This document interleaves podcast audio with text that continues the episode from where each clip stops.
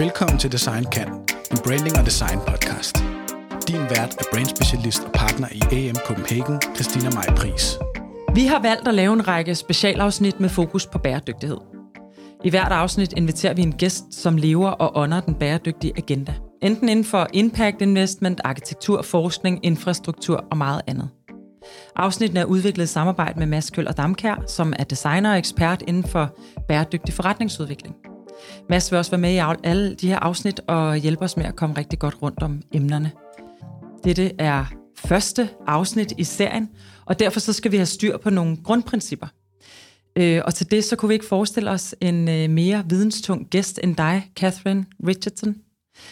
Fordi du er professor i havbiologi, du er leder af Københavns Universitets Sustainability Science Center, du var også en af hovedarrangørerne bag den videnskabelige konference Climate Change Global Risks, Challenges and Decisions, som søgte at informere FN's øh, klimakonference i 2010. Du var desuden formand for Klimakommissionen, der i 2010 rapporterede og præsenterede et forslag til, hvordan Danmark kunne blive fossilfrit inden 2050, øh, og så er du nu, nuværende medlem af Klimarådet, som blev udnævnt i 2019. Desuden så var du en af de øh, 15 uafhængige forskere, som blev udnævnt øh, af Ban Ki-moon til at udforme 2019 UN Global Development Report. Det lyder velkommen, rigtigt. Velkommen, Catherine. ja, velkommen. tak. Så Catherine, der er så mange begreber og, øhm, øhm, og ord inden for bæredygtighed og klima og hele vores verdenssituation. Kan du, kan du prøve at introducere os for nogle af dem og ligesom give et billede af, hvad, øh, hvad der har været? Ja, det vil jeg meget gerne, fordi der er så mange ord, og de bliver brugt altså på mange forskellige ja. måder. Jeg plejer at sige, at bæredygtighed er ikke et sted eller et tilstand. Det er ikke noget, altså du kan ikke tale om et bæredygtig teknologi eller et bæredygtigt produkt. Altså bæredygtighed er i virkeligheden en konstant søgen på, at den nytte, vi får ud af at bruge jordens ressourcer, den kommer med den, en minimum af, af miljømæssige og sociale omkostninger. Så det er bæredygtighed egentlig handler om omkostningseffektivitet, men hvor vi, hvor vi nu tænker ikke i penge, og det er vi da vant til, mm-hmm. men man tænker i forhold til ressourcer. Mange mennesker fejlagtigt tror, at du kan sætte en lighedstegn mellem klima og bæredygtighed. Det kan man ikke. Klima er et lille, meget lille del af helt bæredygtighedsudfordring. Problemet er, og jeg, jeg er sikker på, at vores forfædre, da de, da de holdt op med at løbe efter deres mad og byttede det der nomadiske liv ud med en fast adresse, at de lå deres affaldsprodukter falde lige præcis der, hvor de blev produceret, og de tog lige præcis det, som de synes, de havde behov for for naturen. Om det var vildt at spise, eller noget træ eller busk til at brænde for at få energi, så tog de dem bare. Og så, da de blev tilstrækkeligt mange, så kiggede de sig rundt og sagde, jamen det her, det går altså ikke. Vi er ved at blive syg. Vi er ved at blive syg af vand, der er forurenet af vores egne affaldsprodukter. Vi må lave nogle regler om, hvor vi kan komme af med vores, vores, af, eller vores affald, mm-hmm. han har sagt. Ja. Og vi, bliver, vi er ved at løbe tør for, for, for vildt og, og for noget at brænde, så vi bliver nødt til at lave nogle regler, at man kan kun skyde det, som man kan spise, og man må ikke tage de drægtige dyre, osv. osv. Og det, det det var for deres egen skyld. Det var ikke for, for den, altså de ressourcernes skyld. Det var så, de kunne fortsat trives. Og da vi blev flere mennesker, så kiggede vi rundt, og så sagde vi, uha, det, det, det her, det går altså heller ikke. Fordi hvis vi vil have ren vand, eller luft her mm. i Danmark, så kan vi ikke lade svensker, polakker og tysker smed alt deres affald i luft og vand. Så vi fandt ud af, at uh, også på regionalt niveau var vi nødt til at forvalte vores forhold til, til ressourcerne. Så vi kunne have, hvis vi skal have ren luft i, og, og, og vand i Danmark, kan vi ikke lade alle nabolandene smide deres affald i luft og vand. Og det, som klima- og biodiversitetskrisen er ved at overbevise os om, er, at nu er vi så mange, at vi også skal forvalte vores forhold til de globale ressourcer. Ikke for ressourcernes skyld. Altså for i, i årtier har de grønne organisationer sagt, red planeten. Du skal overhovedet ikke bekymre dig om planeten. Den skal nok klare sig. Det her spørgsmål om at redde de forhold, som vi som mennesker er afhængige af. Så helt bæredygtighedsudfordring består af, at vi er, vi er nødt til at sørge for vores efterspørgsel for jordens ressourcer. Og når jeg siger jordens ressourcer, så er det ikke bare altså de mineraler, vi graver op. Det er også, hvordan vi kan bruge jorden, eller hvor meget vi kan bruge jorden som en affaldsdepot. Altså helt klima er et affaldsproblem. Altså vi havde nogle affald, drivhusgasaffald, vi troede det var væk, og så whoops, vi opdagede, det var der altså ikke. Hmm. Så hele den her bæredygtighedsdagsorden handler om, at vi skal bringe og fastholde vores efterspørgsel for jordens ressourcer inden for det udbud, der er der. Og hvis alle mennesker på jorden levede, som vi gør i Danmark, så havde vi behov for 4,6 jordkloder. Og min ven over i astronomi fortæller mig, at der er ikke 4,6 jordkloder derude, der kan give os de, de ressourcer, som vi er afhængige af. Og det handler også om, at vi ikke, altså at vi ikke forurener os selv med vores affald. Og som biolog, så kan jeg sige, at hvis du tager en mikroorganisme og bringer det i laboratoriet, og, og putter den ind i en kolber med masser af næringssalt og gode ting at spise, så først vokser den meget langsomt, ligesom mennesker gjorde, altså verdensbefolkning. Så tager den altså fart, okay. ligesom menneskerne gjorde. Så begynder det at løbe tør for ressourcer, så bliver væksten lidt mere langsom, og til sidst går det til grund, fordi det bliver forgiftet af sine egne affaldsprodukter.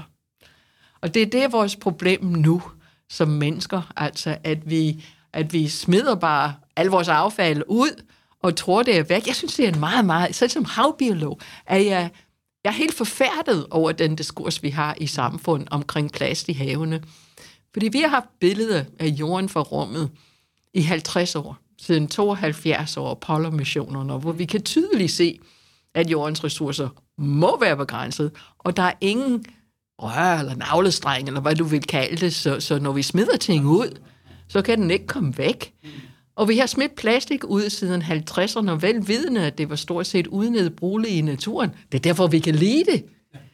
Så vi har smidt det ud siden 50'erne. Vi har haft et billede af jorden siden 72, der viser, hmm, der er ingen sted, det kan tage hen, fordi der er ikke nogen røre, og over to tredjedel af jorden er dækket af hav. Helt ærligt. Det er altså ikke raketvidenskab at regne ud, at plastikken er selvfølgelig i havet.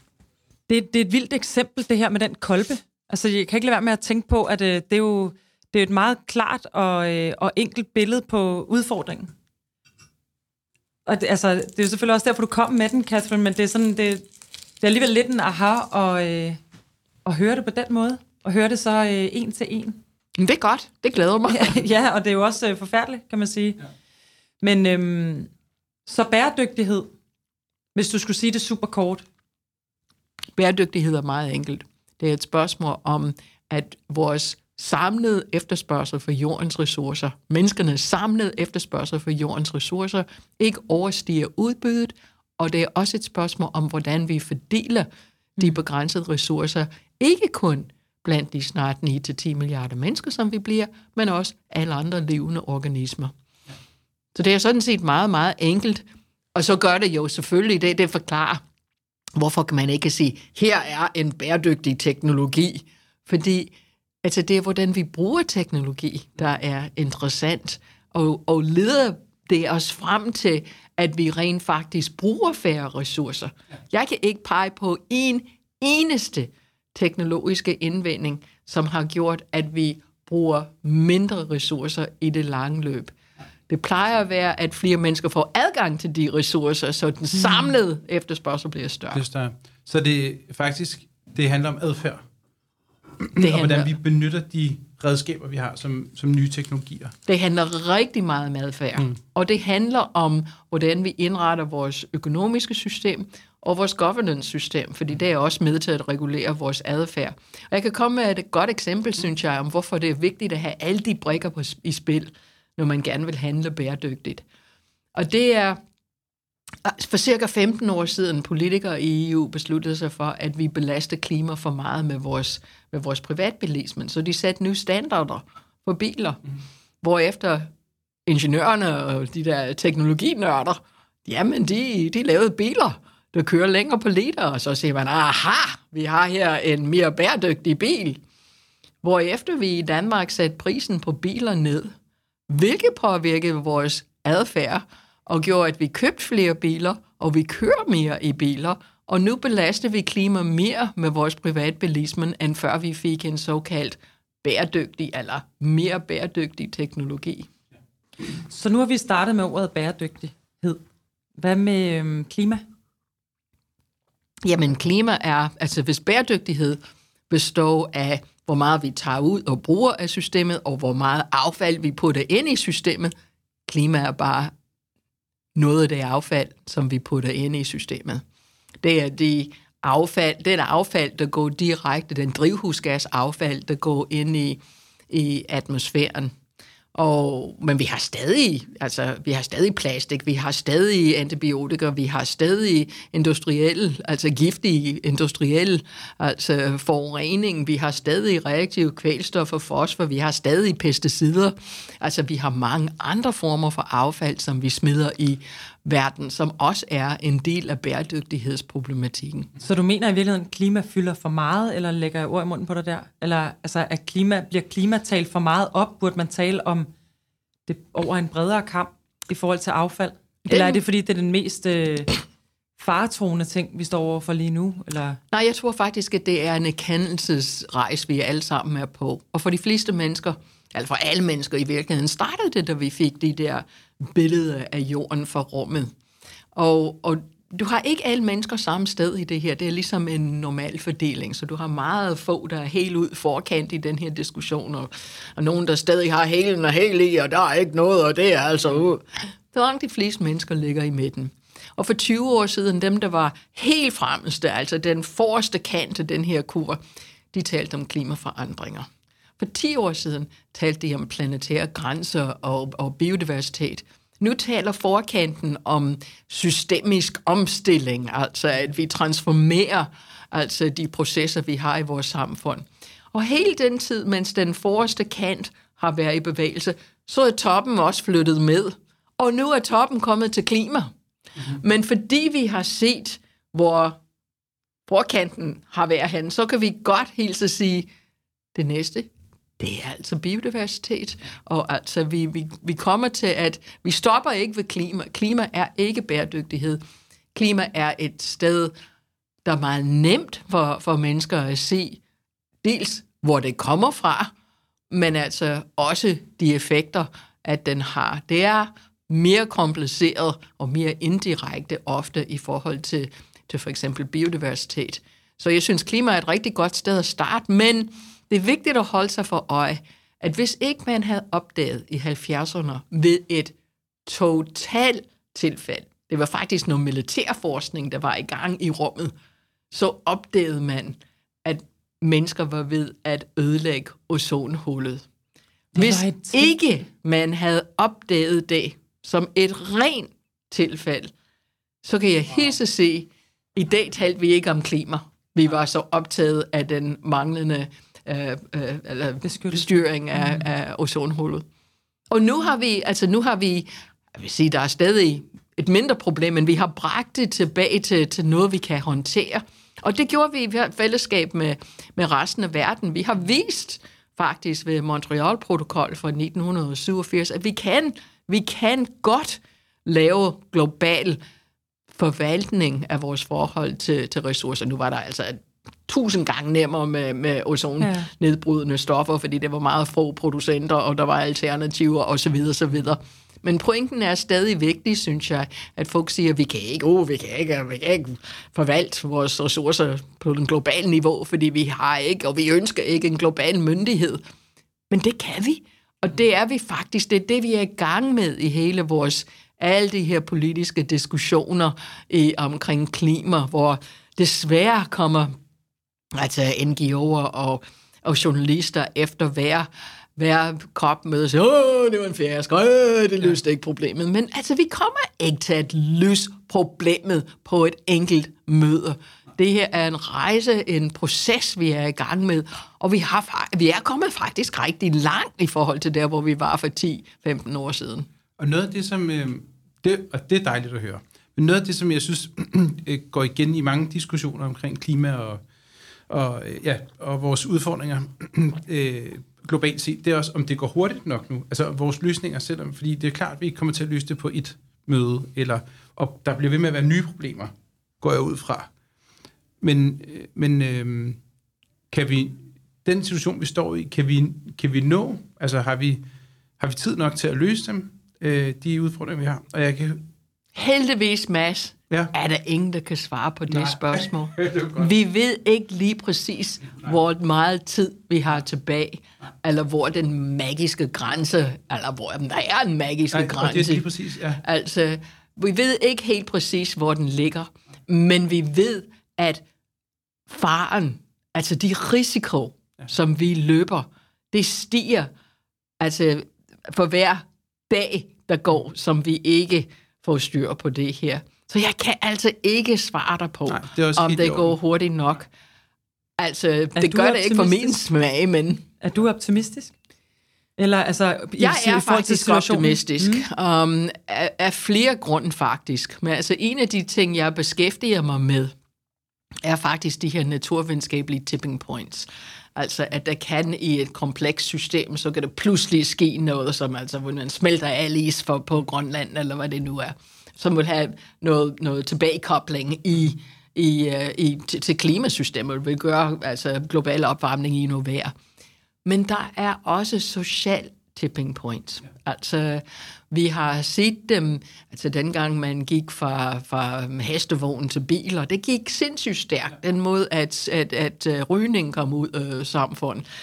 At bruge sikkerhedssel, og det er faktisk ikke så forfærdeligt mange år siden, at her i Danmark, det allerbedst, du kunne give en konfirmand, hvis du havde råd til det, det var at fjerne deres tænder og give dem kunstigt, så de ikke skulle altså slås med, med, med tandpin hele livet. Og nu kan de stakkels skoletandlæger næsten ikke finde en, en, altså, en, altså, en tand, de kan behandle. Altså, så der er social tipping points. Og jeg synes, det begynder at gå så stærkt, at man er opmærksom på, at, at hvis vi ønsker, og det gør vi jo, fortsat udvikling i vores samfund, så bliver vi altså nødt til at gøre ting anderledes. Så for vores børn og vores efterkommers skyld, så bliver vi nødt til at finde på nogle nye måder at gøre ting på. Og vi hører politikere, vi hører, vi hører virksomheder, og er det ikke kun ord, altså meget af det. Der er også handling bagved det. Og for... Jamen, jeg har, nu, nu er jeg en gammel dame og har været i den her branche i lang tid.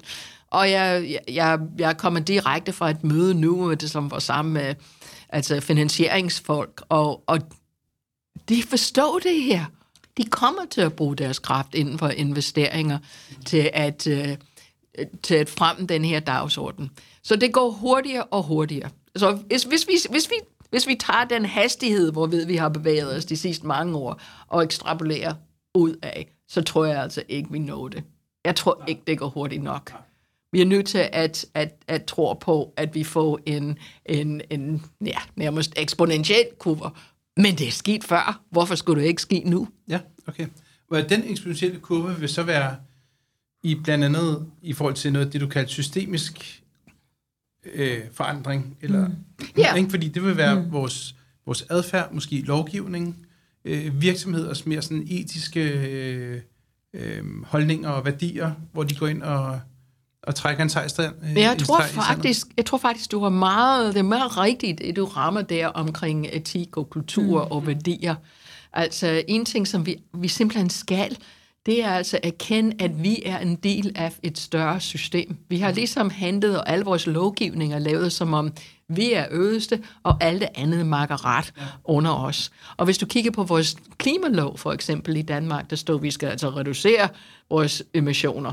Og så står der guidende principper.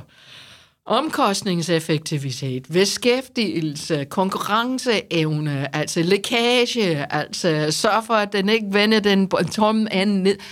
Hvor tror du, der nævnes biodiversitet eller ja. miljø? Nixon. Ja. Den er overhovedet ikke med i den ligning, til trods for, at over halvdelen af vores såkaldt grøn eller vedvarende energi er for at bruge biomasse. Altså, mm.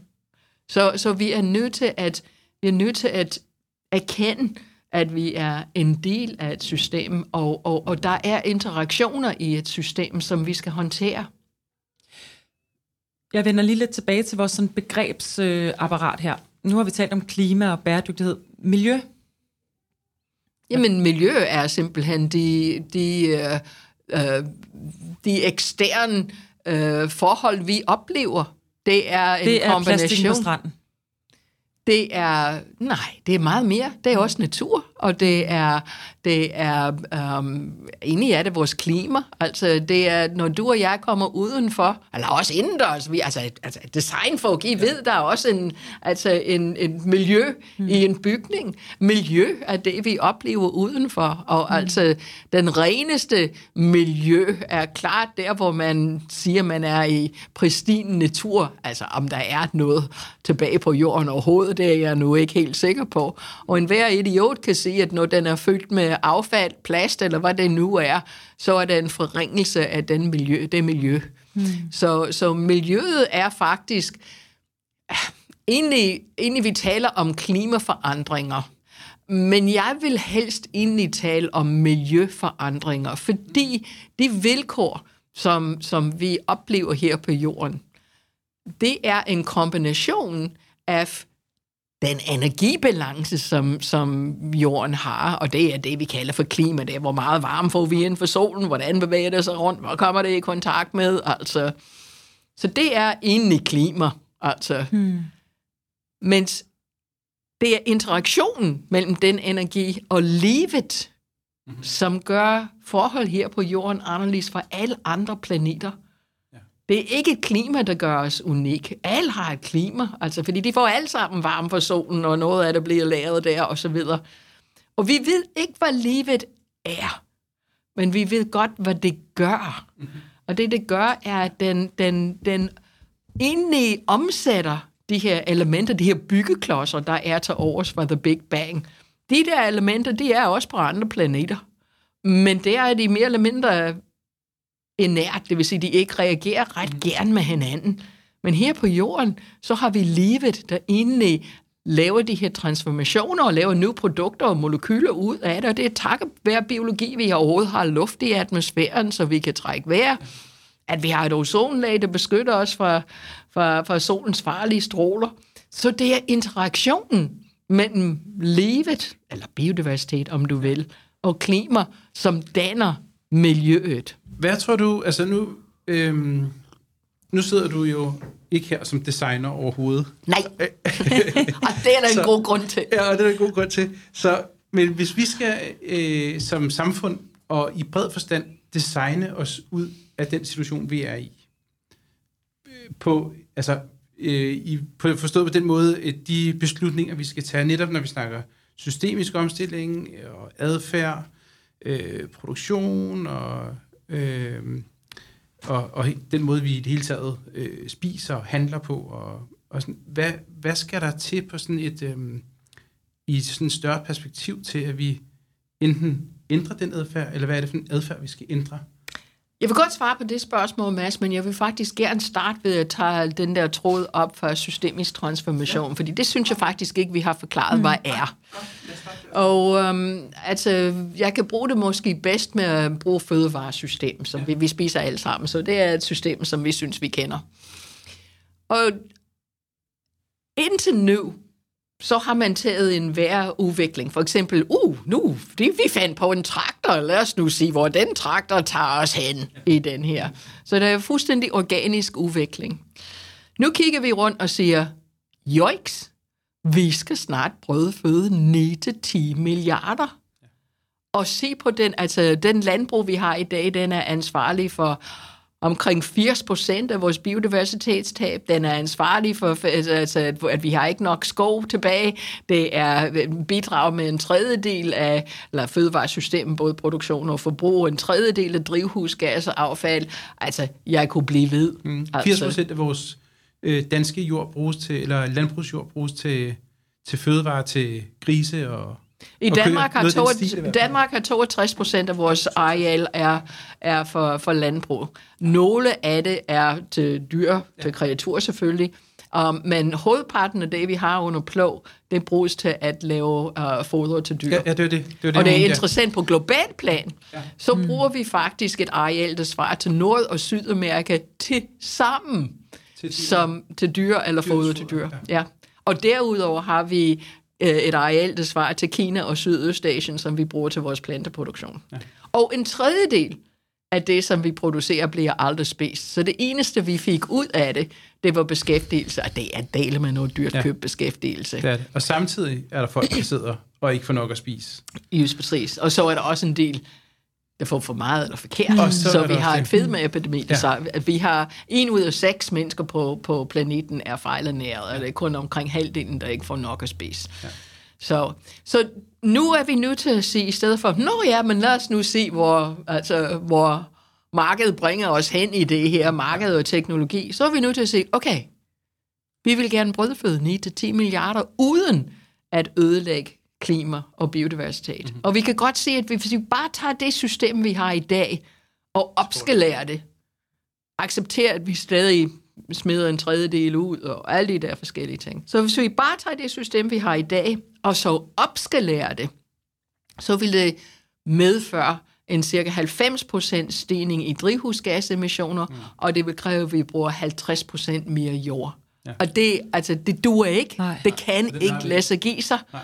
Så nu er man nødt til at planlægge sig ud af det. Og heldigvis er der masser af forskning, der siger, det kan sagtens lade sig give sig. Men vi bliver nødt til at, mange af os bliver nødt til at spise anderledes. Her i Danmark har vi, altså vores klimabelastning er, altså fra vores diæt, er 45 procent over den gennemsnitlige i verden. Mm. Altså vi er enormt belastende, fordi vi er meget, meget kødædende eller animal, animalske produkter. Og vi, altså, vi er langt over EU-gennemsnit også. Altså, det er, vi, er, puh, altså, vi er virkelig chokerende, når det ja. kommer dertil. Ja. Så det er vores adfærd, det er produktivitetsændringer, ikke nødvendigvis i Danmark, men måske i, øh, altså i Danmark, hvor en ko på en god dag kan producere 40 liter mælk om dagen, og i gennemsnit 26 liter om året, og i Afrika en ko producerer 6 liter ja. om dagen i gennemsnit. Hvor er det, vi har behov for Den lever måske længere produktivitetsændringer? så i Afrika.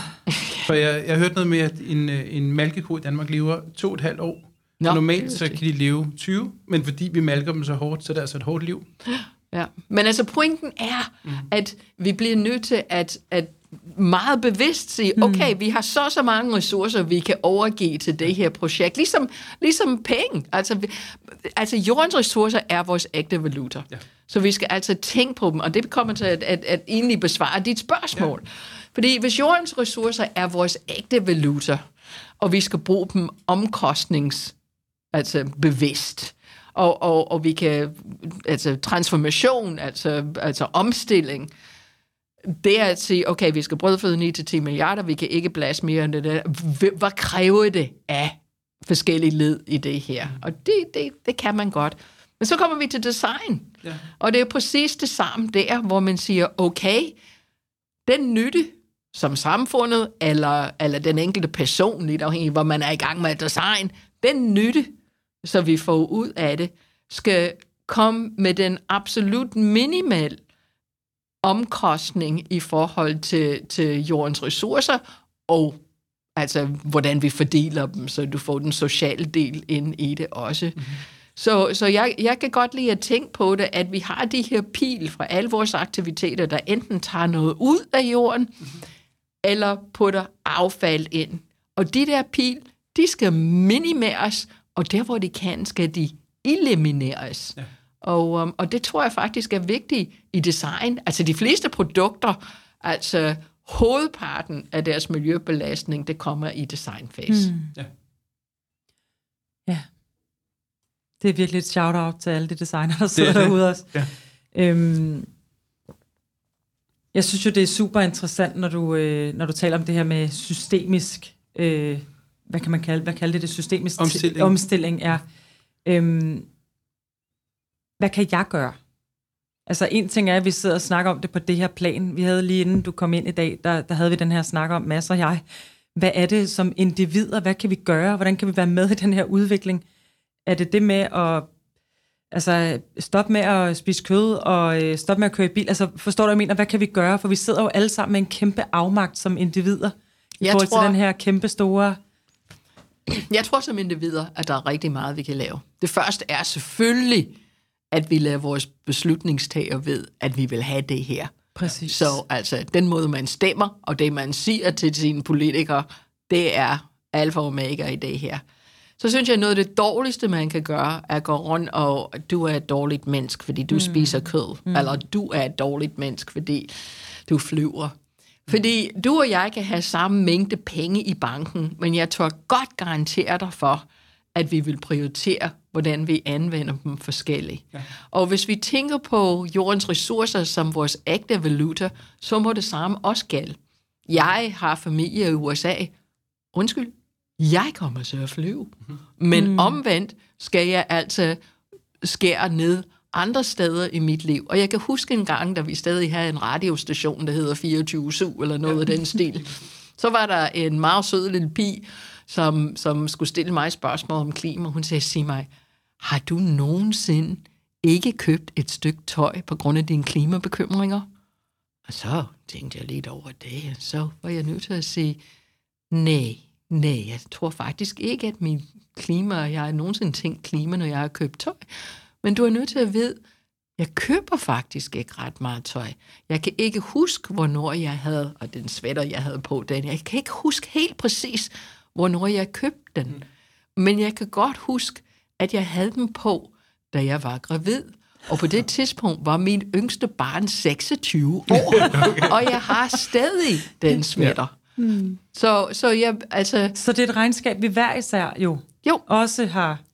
jo, Så skal vi vide, Det er vores mange- egen husholdning, så vi skal jo på en eller anden måde kunne forstå billedet hver især, sådan, så vi Jamen, kan lave er- den her ressourceoptimering og nedskalering og sådan noget. Ind, eh, sådan det er individuelt. et sluk for lyset og for, for altså, vand og altså, at cykle, når du kan cykle, eller gå, når du kan, cy- kan gå.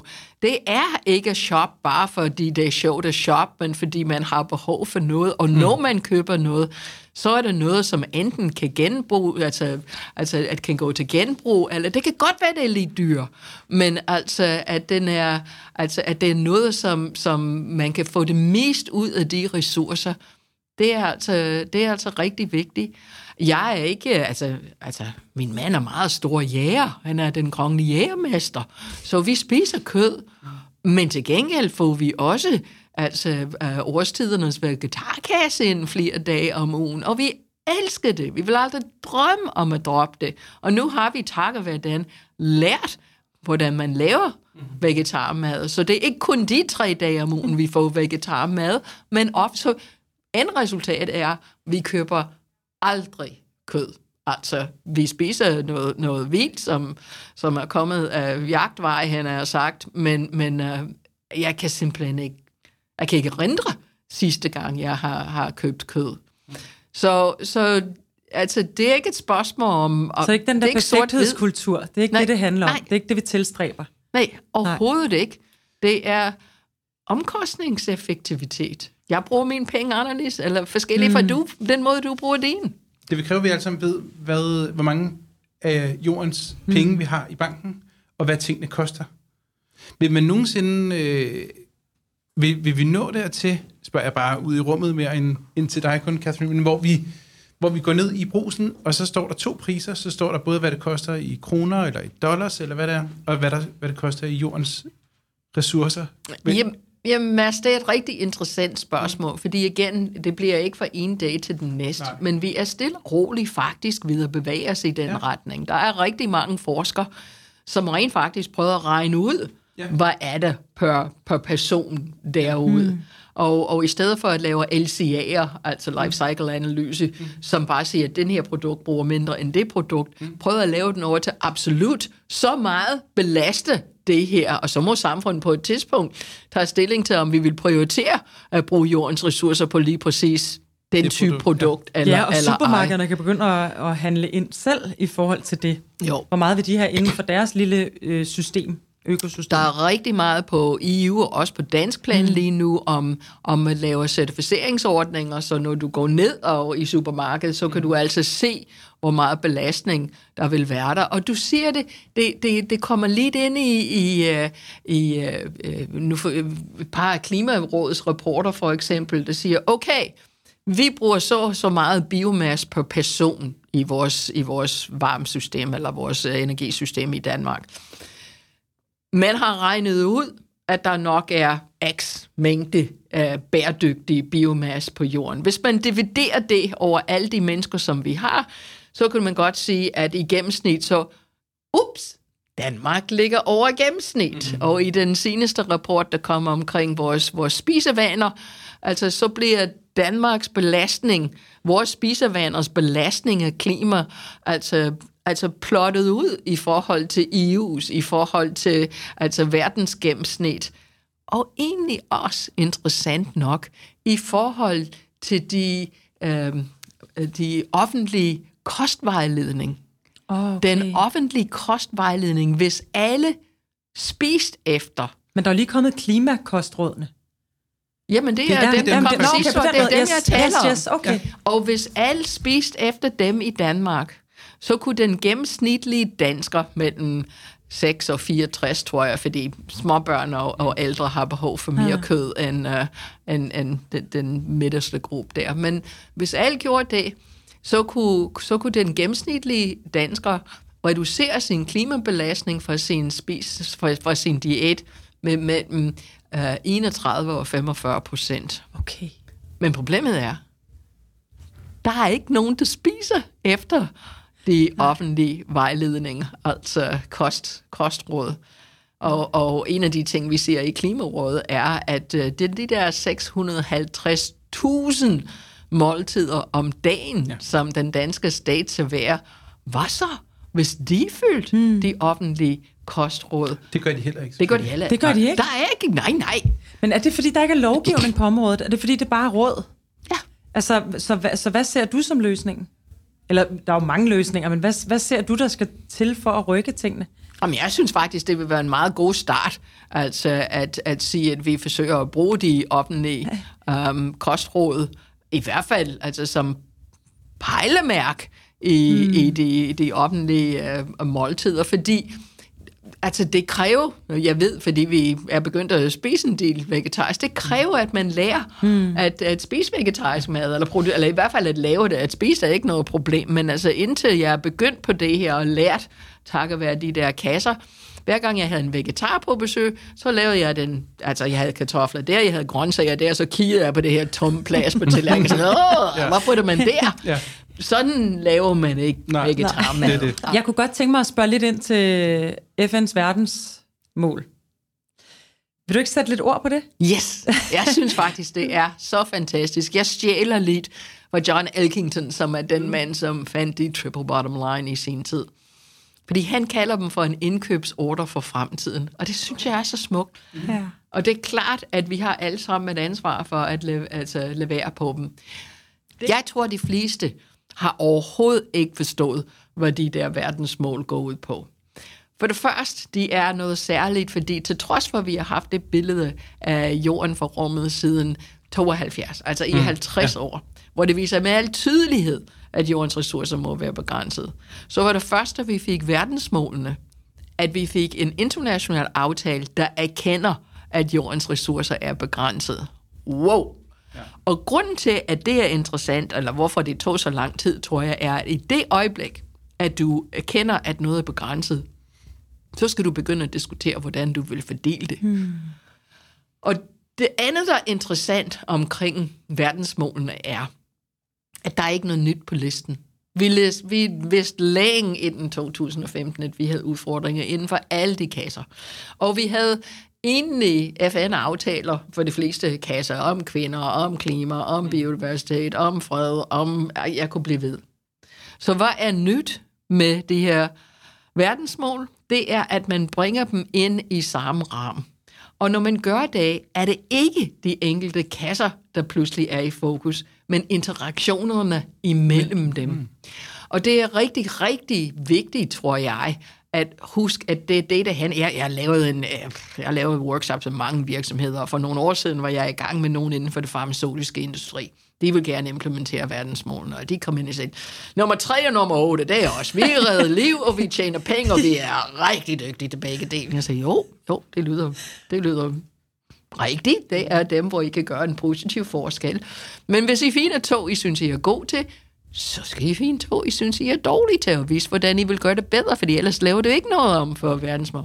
Dårligt, dårligt. Jeg har prøvet lige at gå tilbage til jeres arbejdsgrupper og sige... Mm.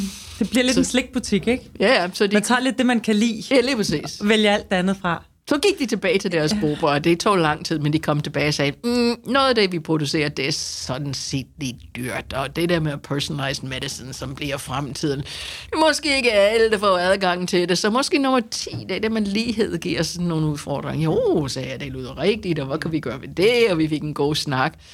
Så sagde jeg, okay, det var et, nu skal jeg gå tilbage og finde det andet. Det gik tilbage i deres arbejdsgrupper, og de kløede sig i nakken, indtil de var blodige. Og så kom de tilbage og sagde, der er intet. Der er intet på den liste, er relevant for os. Nå, sagde jeg. Det var da dejligt. Det betyder, ikke producerer noget i, eller pakket noget i plastik. Gud, det havde vi overhovedet ikke tænkt på, siger det. Og det er det, som verdensmålene skal gøre. De skal tvinge dig en til at tænke på Jamen, mm. at tænke på de interaktioner, at tænke systemisk. Vi er en del af et økosystem, altså mm. jordens økosystem. Og, og, og vi, gik, vi, vi snakkede tidligere om den idé af at være i en kolber, og mm. altså at, at i naturen, så går enkelte organismer ikke til grund på den måde, som når det er inde i en kolber, fordi de er en del af et økosystem. Og i økosystemer produceres der ikke affald. Det eksisterer ikke. Der er nogen, der er gået ind og har lært at bruge det, og bruge den energi, der er i det, og få det helt til at, at køre rundt og, og genbruges i, i systemet. Og det er netop det, som vi bliver nødt til at, at lære at gøre. Men hvis man vil bekymre sig, eller hvis man vil tænke på interaktioner mellem verdensmålene, så er det faktisk vigtigt, at man også ser, hvordan det går med de enkelte. Og den gruppe, jeg sad i FN, der i 2019, så prøvede vi at lave, hvordan går det med dem. Og, og okay, covid er kommet i mellemtid, og, og så at nogle ting er blevet mere langsomme, end de var før. Men det generelle billede gælder stadig endnu. Og det er, for rigtig mange af dem, der har med mennesker at gøre, det vil sige børnemortalitet, neonatomortalitet, altså at få børn i skole, at få adgang til elektricitet, at få adgang til toiletter, at fjerne ekstrem fattigdom, altså at sørge for at, altså, at fjerne sult. Altså, det går faktisk rigtig godt. Men for nogle af målene, så er trenden forkert. Det betyder, at vi kommer længere væk fra målopfyldelse for hver dag, der går. Mm. Hvad er det for nogle mål? Det er fejlenæring. Ikke fordi man ikke får nok at spise, men fordi vi har et fedmeepidemi, det siger SPAR 2. Det er ulighed. Jeg tror, vi har 18 mennesker, der ejer lige så meget som den 50 procent af verdens befolkning, der er fattigste. Det er vores materiale, økologiske fodaftryk, det vi tager ud af naturen. Det er klima og det er biodiversitet. Og så kan du sige, jamen jeg er mest interesseret i mennesker, vi fokuserer på mennesker, og hvis vi har tid og råd, og altså, så går vi tilbage. Det kan man ikke. Nej. Fordi for alle de mål, der forbedrer det for mennesker, de kommer med omkostninger på klima og biodiversitet. Og de har begrænsede ressourcer. Så mens mm. nogle af tingene er gået op, så er det, det har været ja, en direkte årsag til, at de er, ja, selvfølgelig. er gået ned. Ja. Mm. Og vi kan ikke, altså du kan sagtens, altså vi kan sagtens øh, fest, selvom saldoen på vores bankkonto er for nedadgående. Mm-hmm. Vi kan bare ikke gøre det evigt. Nej. Og når det er den ægte valuta, der betaler for vores udvikling i samfundet, mm. er i virkeligheden jordens ressourcer, og vi kan mm. bruge proxyen, øh, biodiversitet og, og klima for, for, for, for, for jordens ressourcer, så er vi ved at bruge vores, nat, øh, vores natural kapital mm. der. Vi bliver nødt til at bend the curve. Ja. Så, så det er der, hvor, hvor jeg synes, at målene er så fantastisk. Altså, og, og kan sagtens bruges som en... Ja, og så må jeg sige, ud fra et designmæssigt og brandingmæssigt perspektiv, hvis man, hvis man lige skal få den med ind, så har, mm. så har øh, øh de øh, FN-målene jo også lykkedes med at, at lave noget, som designmæssigt fungerer rigtig godt. Ja. Og brandingmæssigt fungerer rigtig godt, fordi det er noget, vi kan tale om og forstå. Så lige præcis, du taler om, at der er blevet målt i mange kasser altid. Nu er det blevet visualiseret for os. Det, det er nemmere at forstå. Jeg kan se, at du har brochen på her, ikke? Det er, jo, det er jo et signal, det er, det er en et historie, sprog. der, det er et sprog, et sprog, ikke, der ja. bliver fortalt med det samme, meget, Ja. meget simpelt. Ja. Så det er jo det, det er virkelig en, i hvert fald en af de områder, hvor man kan sige, der, der, har, der har designet virkelig visualiseret den her strategi. Ja. Øhm, Ja, fordi øh, Jonathan Safran Foer, som er øh, forfatter, har, har i en af sine bøger beskrevet klimakrisen og, og miljøudfordringer som nok en af de kedeligste historier. Øh, fordi, også fordi det er så svært for os at forstå, mm. og fordi det har så lange konsekvenser. Mm. Og der har, der har FN-målene i hvert fald været med til at, Præcis. at fortælle en bedre historie, eller en Mm. historie, vi kan forstå. Ja. Ja. og som vi kan dele med hinanden. Ja. Altså, fordi det er også svært, det der med at skulle forholde sig til noget, man simpelthen øh, ikke vil kunne sætte ord på selv alligevel. Jo, men hvis man ikke forstår sammenhæng, mm. fordi altså, jeg tror generelt i vores samfund, vi er først, vi har altså naturvidenskab eller naturhistorie har altid bestået af at beskrive levende og ikke levende genstand mm. i universet. Mm. Og vi har ikke bekymret os ret meget om, om interaktioner. Og, og de kan se det på vores universiteter. Vi har geologi der, og vi har matematik der, og vi har økonomi mm. der, og i København så putter vi mennesker helt ud på Amager, fordi altså gud, altså det er... Så, så altså, vi opererer, som om vi tror, at hvis vi kunne alle detaljer i vores egen kasse, og så smed alle de der kasser ind i en gryde og rørte dem, så vil vi forstå, hvor jorden er. Men, men det vil være som at spørge alle de læger, mm. du kender, på deres viden ind i en kasse, al deres specialviden. Du vil ikke vide, hvad et menneske var ved at gøre det. Nej. Det er, det er interaktionerne mellem de forskellige dele, der gør os til det, vi er. Og vi er for 10 år siden, ingen ville have troet, at din, uh, din tarmflora var vigtig for andet end din fordøjelse, men nu ved de, at, uh, at det er en del af din psykiske tilstand, mm. og dit immunforsvar er afhængig af, hvad du har i din mave. Ja. Det, øh, det synes jeg bliver nødt til at blive vores afsluttende ord. Det var, Uh det var simpelthen en, en fuldstændig fantastisk oplevelse at have dig med. Catherine, tusind tak for at dele øh, ud af din ekstreme viden. Øh, der er vist ingen tvivl om, at vi kunne være fortsat i timer. Øh, og det kan også være, at vi simpelthen spørger om at få dig ind en gang til. Ja. Øhm, og tak fordi du lyttede med på podcasten Design Kan. Øh, gæsten var Catherine Richardson. Øh, du kan følge podcasten på Designkans hjemmeside, Facebook-profil eller på AM Copenhagens Instagram. Afsnittet er optaget, klippet og mixet af Tobias Ardomat. Jeg håber, at vi høres ved i næste afsnit, hvor vi igen vil undersøge alt det, design kan.